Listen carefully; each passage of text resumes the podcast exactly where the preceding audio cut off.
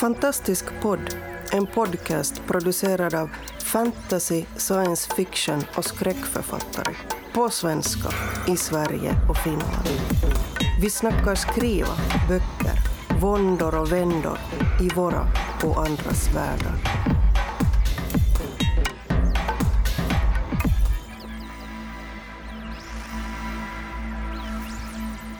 Och välkommen till ännu ett nytt avsnitt av eh, författare eh, Fantastikpodden Väst. Och eh, Susanna får inleda idag med att prata om karaktärsmotivation och karaktärsmetod. Och de som närvarar vid det här samtalet idag, det är lite tunt men ett hårt gäng. Det är jag, Paul, och så är det Fredrik Persson. Och Susanna Nissinen. Och då kan du börja. Ja. Eh, jo, jag brukar använda eh, karaktärsmotivation och karaktärsmetod. Eh, för det tycker jag är så himla... Eh, det är enkelt att bena ut när man eh, ger respons eller när man... När, jag- när jag skriver själv. Och då, då tänker jag att, att eh, karaktärsmotivation är det som driver en, en karaktär. Ehm, det är varför de gör saker. Ehm, om man tänker sig då eh, en polis som, eh, som gör sitt jobb.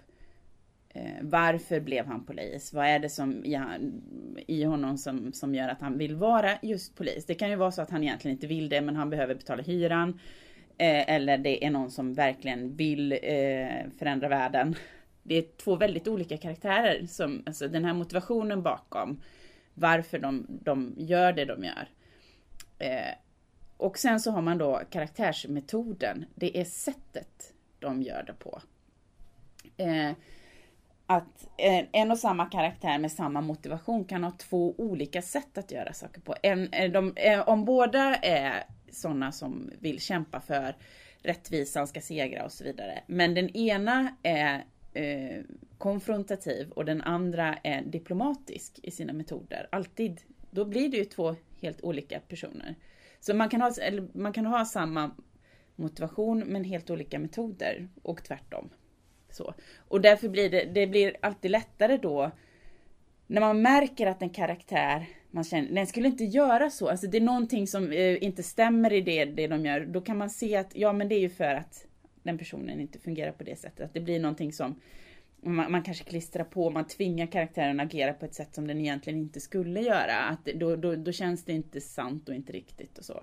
Och då, det, att det är lättare att bena ut det på det viset. Låter det jättekonstigt tycker ni? Nej. Ja, Jag tycker väl, jag tänker väl mer Ja det låter intressant faktiskt Ehm, Jag tänker väl mer sådär att det är, man har en, en person har en drivkraft och sen så har den något inre hinder som alltid, eller inre egenskap som, Mm. som eh, ställer till det för den. Som är nästan designad för att den här drivkraften Mm. ska gå åt helvete så. Och då måste den övervinna det. Ja. Men det var intressant. Jag tänkte på... Jag kommer att tänka på en av mina favoritpersonfigurer, Elric i Michael Moorcocks böcker. Och han är ju sådär att han... Han vill ju föra sitt... Han är ju någon slags, ja... Konungarike över en ganska egentligen ondskefull och gammal ras eller någonting som inte är helt mänsklig. Och så vill han föra dem in i den nya tiden men han har ju kvar det här gamla i sig som han ärvt och som alltid kommer i vägen. Liksom blodtörst och ganska kylig mm, stil han har mot andra människor och sådär liksom. Ja, som alltid är i konflikt med varandra. Uh, och det, det är också hans, hans lojalitet är ju väldigt konstiga sådär liksom att Det är ju lag och kaosgudar då som, som kämpar om världen. Och han kämpar ju för lag då till slut.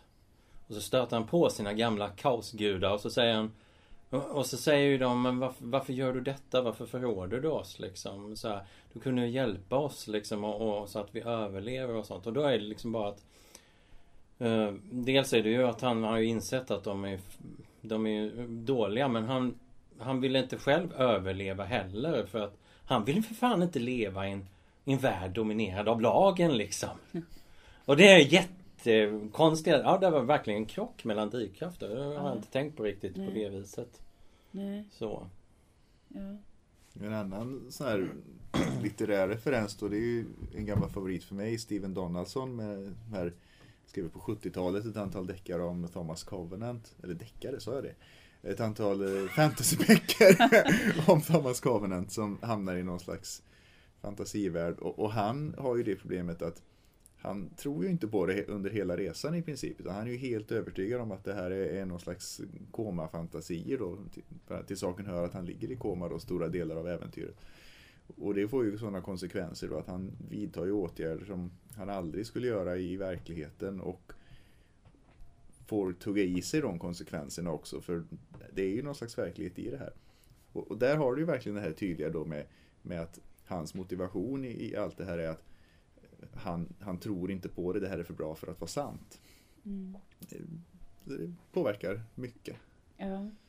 Men det som är intressant är ju att om man är, att eh, som eh, man kan, som jag om man ändrar karaktärsmotivationen så, så kan scenen vara i yttre händelser eller berättelsen i yttre händelser kan ju vara likadan. Men den blir annorlunda därför att karaktären eh, gör saker av en annan anledning. Mm. Det blir inte lika annorlunda för att de använder en annan metod.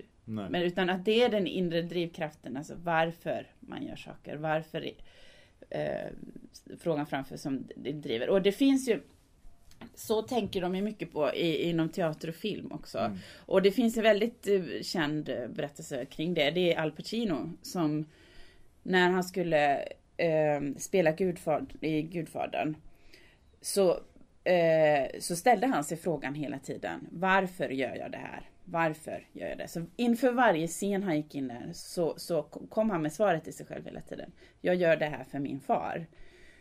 Eh, och det är den drivkraften för den karaktären. Den enda meningen. Jag gör detta för min pappa. Jag gör detta för min pappa. Och det drev honom i varje scen. Så att han, han utgick ifrån den drivkraften. Där, det, den, hela den karaktären utgick ifrån. Han gör det här för sin far. Och, och jag vet en författare som eh, ger varje karaktär en, en, mening på det sättet. Uh, jag, jag jag klättrar eller mm. jag undviker eller alltså att man liksom att man ger en, en liksom så det blir väldigt lätt när man om man blir förvirrad så eller man vill bena ut saker, att man förstår vad det är den här inre känslan, det kanske bara är en mening, alltså att man liksom eh, och då är det motivationen och sen att hur man hur man bär sig åt då. I Al Pacinos fall är det med mycket våld. Men, jo, så. Mm. Men eh, att, det, att det är metoden, alltså att man, man är hänsynslöshet eller ja. den här liksom. Att det finns en skillnad där. Eh, och att, det, att hur det påverkar berättelsen och hur det påverkar varje scen. Hur man liksom det finns, jag tycker det sätter fingret på en väldigt svår fråga överhuvudtaget tycker jag med både karaktärer och faktiskt hela plott botten i många historier. För jag brottas ofta med det. Varför händer det här? Jag kan ha en jättekul historia i huvudet som jag tycker är jättespännande på olika sätt. Men om jag inte själv kan besvara frågan varför händer det här och, varför gör den här personen detta? I alla fall på något slags omedvetet plan. Då, då faller den ofta platt. Ja. Jag märker det med, med jag pratat om en novell tidigare som jag försöker jobba med. Den är jättekul men det finns liksom inget tydligt varför i den. Det går trögt just därför tror jag mm. också. Medan andra historier då har det här tydliga varför. Och titta på det när ni läser böcker. Det är, man, jag tycker man märker skillnad på de böckerna där man ändå kan förstå varför olika mm. personer och olika händelser händer. Jämfört med historier där man inte riktigt fattar varför. Och det, det brukar vara en bättre story när man kan räkna ut det där. Jag vet inte, håller du med Paul? Uh, ja, jag håller med och nu skulle jag säga någonting och nu har jag förstås glömt det. Uh, mm. Ja. Uh, ja. Det, det, medan du funderar så tänker jag ja. så här, det här varför som du... Det är ju nästan nära varför med berättelsen Fredrik är ja. ju nästan tema. Liksom, temat i berättelsen, vad den handlar om egentligen kan man väl säga. Ja, både ja och nej faktiskt. För det behöver inte alltid vara det. Utan ibland kan ju temat vara, vad ska man säga, om man tar en, en, en deckarthriller då bara för att jag sa fel förut. Eh, jag läste en Grisham-bok för ett tag sedan. Där är liksom temat några här ambulansjägare, advokater som vill bli rika och, och liksom gör saker och ting helt fel. i någon slags desperation då när de hittat något där de ser att de kan. Och då är lite grann temat att så kan man inte bli rik utan man blir rik med den här metodiska andra då som givetvis kommer i slutet då när de som har liksom gjort det hela rätt istället. Eh, Medan varför i det här fallet, ja det var något läkemedel som var paj liksom, eller var det Mm. det? Och det behöver inte vara samma sak. Nej. Kan vara, men behöver inte vara. Nej. Nej men jag, jag brukar väl tala om det där som att man måste lyssna på sina karaktärer Mm. eller personer. Ja.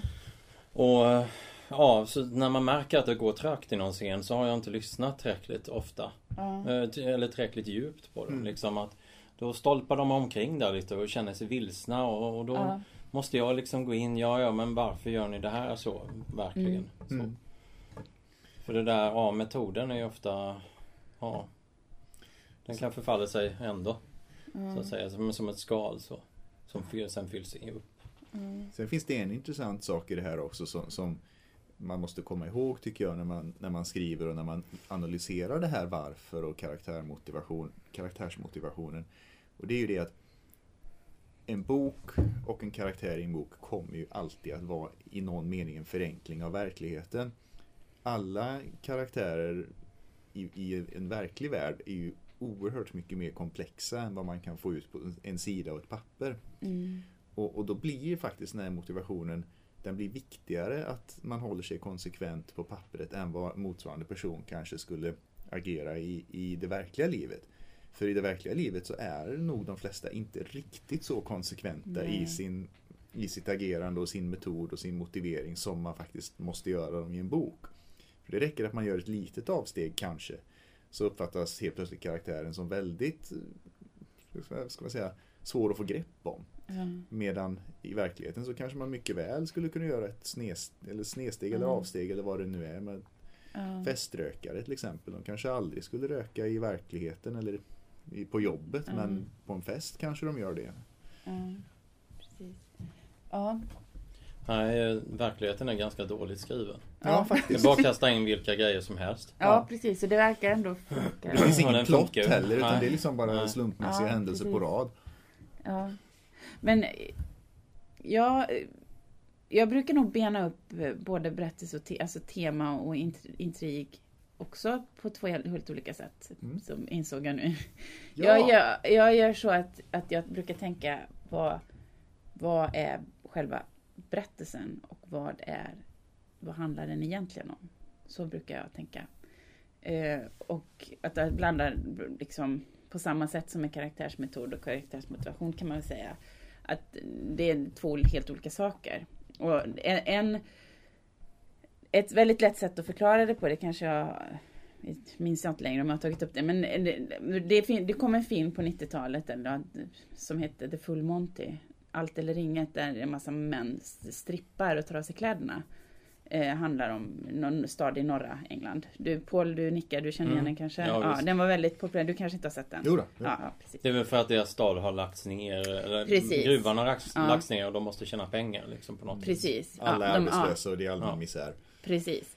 Så man kan väl säga att filmen handlar om att det är massa män som måste få in pengar för att de, de har inga jobb längre. Och, och då kan man säga att det är, den, det är själva intrigen, det är själva plotten. Är den. Men vad handlar filmen om egentligen? Kan man ju ställa sig frågan. Och då kan man ge ett svar på det. Om man vill. Som manlig identitet. Eh, att den handlar om en omvänd man. Det är kvinnorna i filmen som har jobb. Omvänt mot vad det har varit innan. Det är männen som hade sina jobb, gruvjobb eller vad det nu var, verkstadsjobb. Och helt plötsligt så har de inte det. Vad händer med män som, som, som är vana att ha en roll i samhället, en given roll? Och, och, och, och så är det inte så längre. Och då, då har du olika karaktärer som visar olika aspekter av det här. Och alla, som, som det, den här huvudpersonen Gas, han, hans, eh, han, hur, hur är du som människa? Eller hur är du som pappa om, om, om din son inte kan se upp till dig längre? Om du inte har någonting, om du inte har ett jobb, om du inte har någon yrkesidentitet utan du bara går och snor grejer. Hur ska du få din son och, det, och han strävar hela filmen igenom att hans, hans son ska vara stolt över någonting som han gör. Eh, den här den tjocka killen som är med, han, han eh, vill att hans fru ska tycka om honom. Alltså att han är rädd att han inte är längre åtråvärd. Och då kämpar han hela. Så det är en annan aspekt av manlig identitet. Sen har du en som bor hemma hos sin mamma och en som, alltså, så det är olika män som har problem och kämpar med saker med sin manliga identitet. Och då kan man liksom se att det, det är liksom temat och det handlar om någonting. Och så, men den yttre intrigen är väldigt enkel. Alltså att de, mm. de ska ha pengar genom att strippa. Liksom. Mm. Och på samma sätt så kan man bena ut saker. Men jag, det, så brukar jag tänka när jag tittar på saker. Mm. Men det kanske är, och hur Låter det som ett väldigt underligt? Det låter ju just det där som att ja, man kan lyssna på personen som jag sa. Ja. Men där kan man ju så att säga lyssna efter temat ja. i, i det. Så Kanske intrigen är lite haltande och sådär men när man mm. verkligen kommer fram till vad är det, vad är det jag vill ha fram? Vad ja. ska allting syfta till? Så, Precis. Och så, ju, så tänker jag också. Eh, jag håller på med en dödfödd, heter den uppföljare till Borde vara död och ska man inte prata så mycket om det man skriver men skitsamma. uh, så uh, den har jag kallat en, en uh, familjeskildring då. Och det är ju inte för att alla, de är ju inte i familj där egentligen men de agerar utifrån sina hur, vilken plats de har haft i familjen och de blir på sätt och vis börjar de spela också upp sina familjeroller för det är ändå mm. någonting man har med sig hela tiden.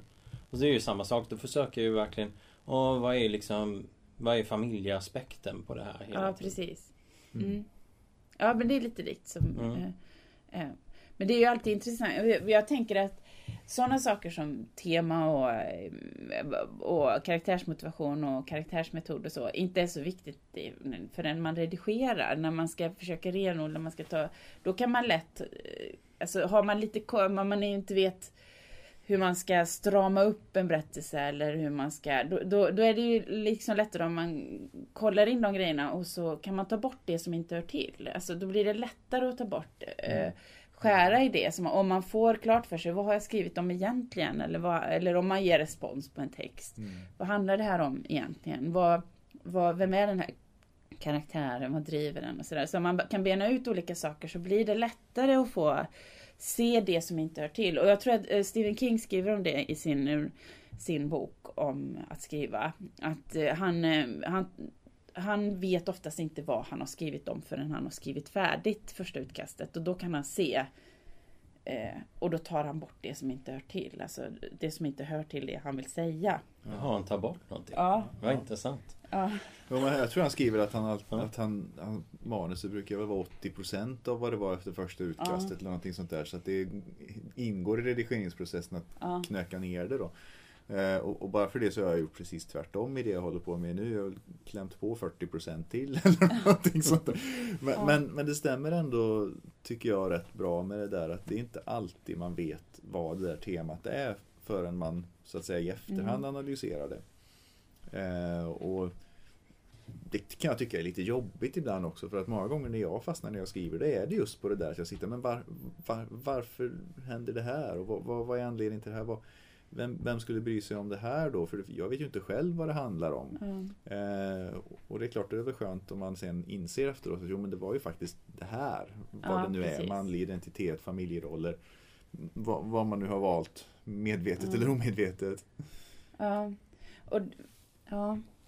och jag tror inte man ska, man, man behöver inte Alltså, man, man kanske inte ska liksom fundera för mycket på saker utan man ska nog känna lite. Alltså att man, mm. Det tror jag. Men det är lätt att bli för teoretisk också. Kan jag ju säga då som blir ex, alltid extremt teoretisk.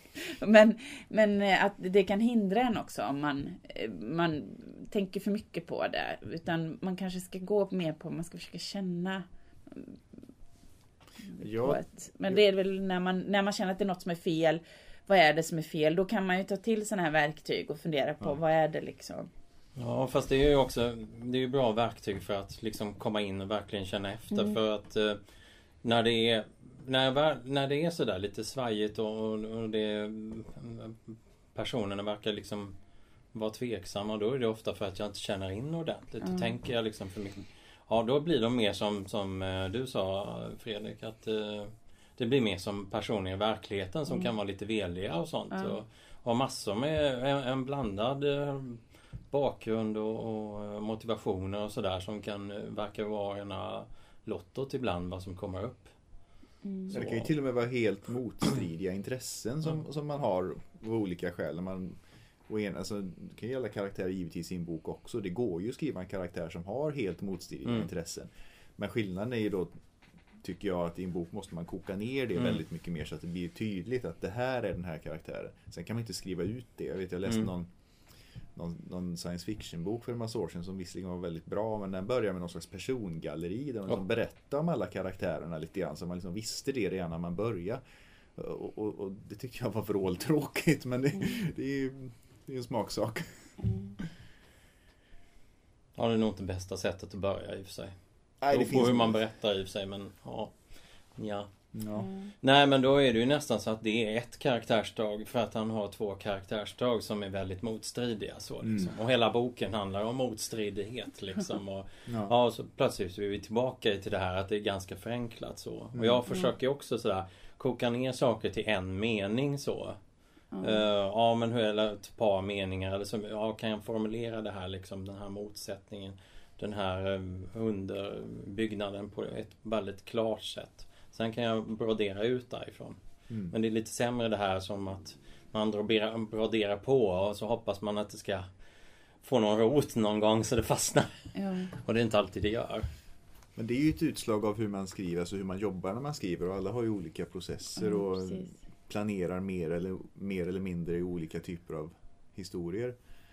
Men jag tror ändå det att liksom li, litet mått av planering för att få till grundbitarna så är det lättare sen. Men jag vet ju, jag skulle själv inte fastna om jag hade det där varföret klart för mig. Eh, medan Mm. som sagt många gånger så, så är det ingen idé utan det är bättre att skriva och låta saker hända och sen fundera på varför. Ja. Men sen kan det också vara så att, eh, att eh, olika böcker eller olika berättelser måste berättas med olika, eh, alltså på olika sätt. En, Mm. en del, någon, någon berättelse kanske man måste plotta i förväg och någon måste man bara låta komma som den är och så får man redigera senare. Eller Ja. att eh, jag tror det farliga kanske är, eller det, det som är att man antingen att man fastnar i planeringen, man fastnar i tänk, att man tänker, tänk, man vill tänka för mycket innan och eller att man att man helt enkelt tror att nej men eh, om det ska vara en riktig bok så måste den komma som en gudomlig inspiration och, eller alltså att man att alla saker som sådana här skrivtekniska verktyg och hjälpmedel, att de faktiskt bara är hjälpmedel. Det är, finns inga givna, att man måste göra så här eller bo, en bok måste ha ett tema eller en karaktär måste ha en motivation. liksom. Utan, det, man, eh, utan att, och att alla skriver olika. Det, det är ju bara vi tre, vi skriver ju på jätteolika sätt olika språk och av olika Mm. anledningar. Och, och att det är viktigt att vara, låt, vara öppen för, för, för bara det skrivna och hitta glädjen i det. Och sen Mm. att när man sen kör fast eller när man, när man redigerar eller sådär att man kan använda sig av det. Eller, ehm, jag, jag, jag, jag tror att det kan vara det lättaste, alltså att man är öppen för. Mm. Jag tror det. Nej, men med, av erfarenhet av alla som man pratar med. Så. Ja, de flesta brukar ju säga att det har nästan blivit olika sätt att skriva varje historia. Ja, precis. Det är väl sällan, ja det är klart det finns ju sådana som är superkonsekventa och alltid gör på samma sätt. Men det verkar som väldigt många lite experimenterar sig fram per manus egentligen. Ja. Paul, har du liksom, tycker du att du gör olika? På, för du har ju skrivit flest böcker här. Så. Ja, tänk jag har skrivit flest Jo men jag gör olika faktiskt Det har jag gjort hela tiden Ja, Och det är helt enkelt att man lär sig under tiden så ja, precis. Den första skrev jag och då tyckte jag det var lite småtråkigt det är rätt ofta. Då ville jag att den andra skulle vara rolig hela tiden men den tog ju väldigt lång tid. Och sen den tredje så tyckte jag att den här den tog väldigt lång tid. Jag måste planera mera men det måste, måste ändå vara roligt och så ja. Ja, Och så där håller man på. Mm. Eller håller jag på. precis. Sen är det ju ofta men det de kallar för den svåra tvåan, man ska skriva den andra boken, om man, sin, sin andra bok.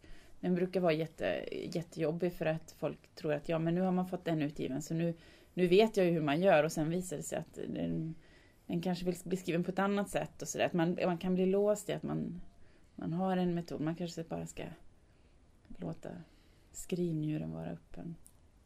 Var, var det en svår trea för dig då? Paul om jag får fråga. Ja, nej. Borde vara död blir en trea då egentligen. Där var det väl helt enkelt det. Jag hade kom, kommit i kontakt med så här ja, C.J. Håkansson och Steve Sundin och de här typerna. Och de hade... Det var bara någon... Det, alltså grejen är att jag hade ju sett sättet som de skrev i, på tidigare lite grann sådär. Uh, eh, jag hade ganska ja,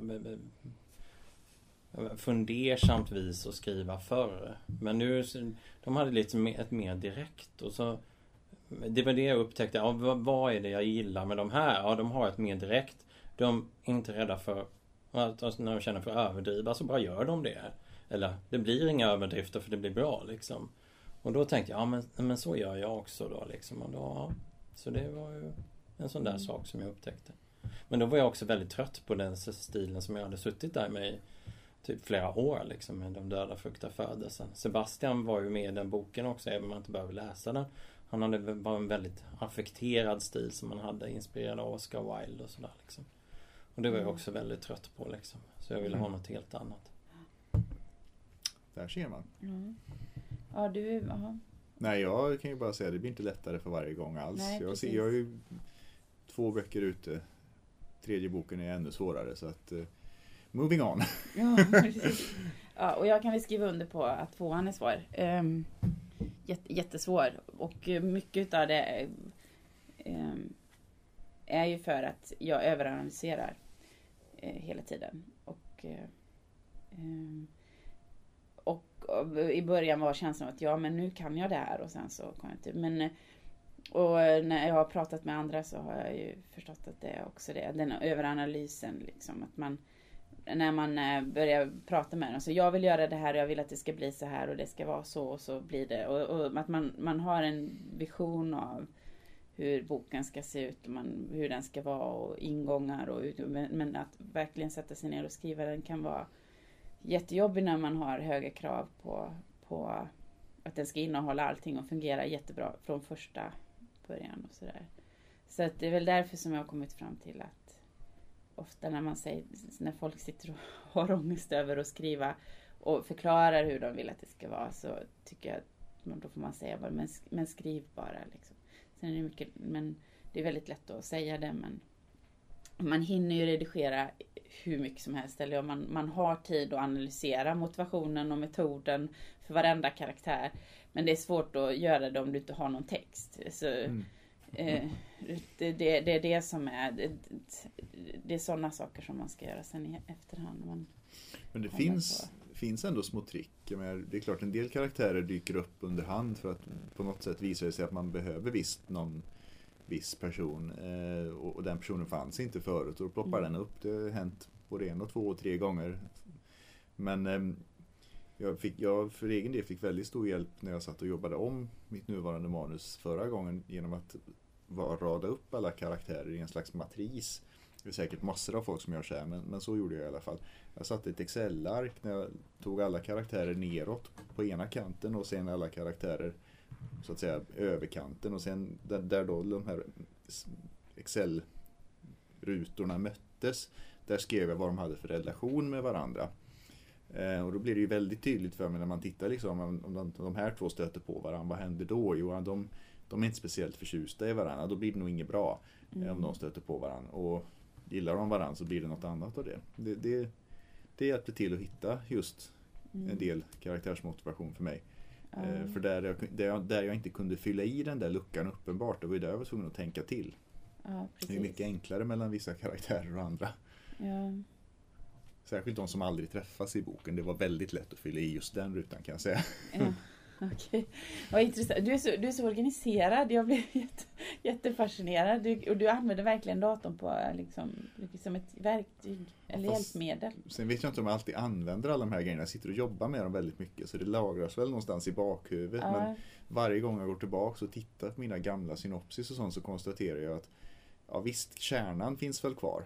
Men nästan allt annat är liksom ut genom ja. fönstret och utbytt mot något annat. Så att, ja. Jo men det är väl så ofta faktiskt. Det första Första planeringen är ju helt värdelös egentligen. Men man måste väl ha den för att komma igång. Mm. Ja precis. Så går man tillbaka sen. Ja. ja, tänk om man hade kvar alla grejerna. Jag slänger ju så letar. Lösbladssystem och så här superoorganiserat. Men det är väl fördelen med att jobba med datorn istället kan jag tycka då. Mm. Därför att man eh, behöver inte hålla på och slänga massa lösa lappar. Men eh, då kanske vi har benat ut det här, teknikaliteterna, för Ja. eh, den här gången. Ja. Tack för oss. Du har lyssnat på Fantastisk podd. Om du trivdes i vårt fantastiska poddsällskap och vill ha mer så hittar du äldre poddar och information om oss som deltar på vår hemsida under fantastiskpodd.se och på vår Facebook-sida Fantastisk podd. Har du frågor eller förslag på vad du tycker att vi ska tala om, hör gärna av dig antingen på Facebook eller via kommentarer på hemsidan. Vi hörs!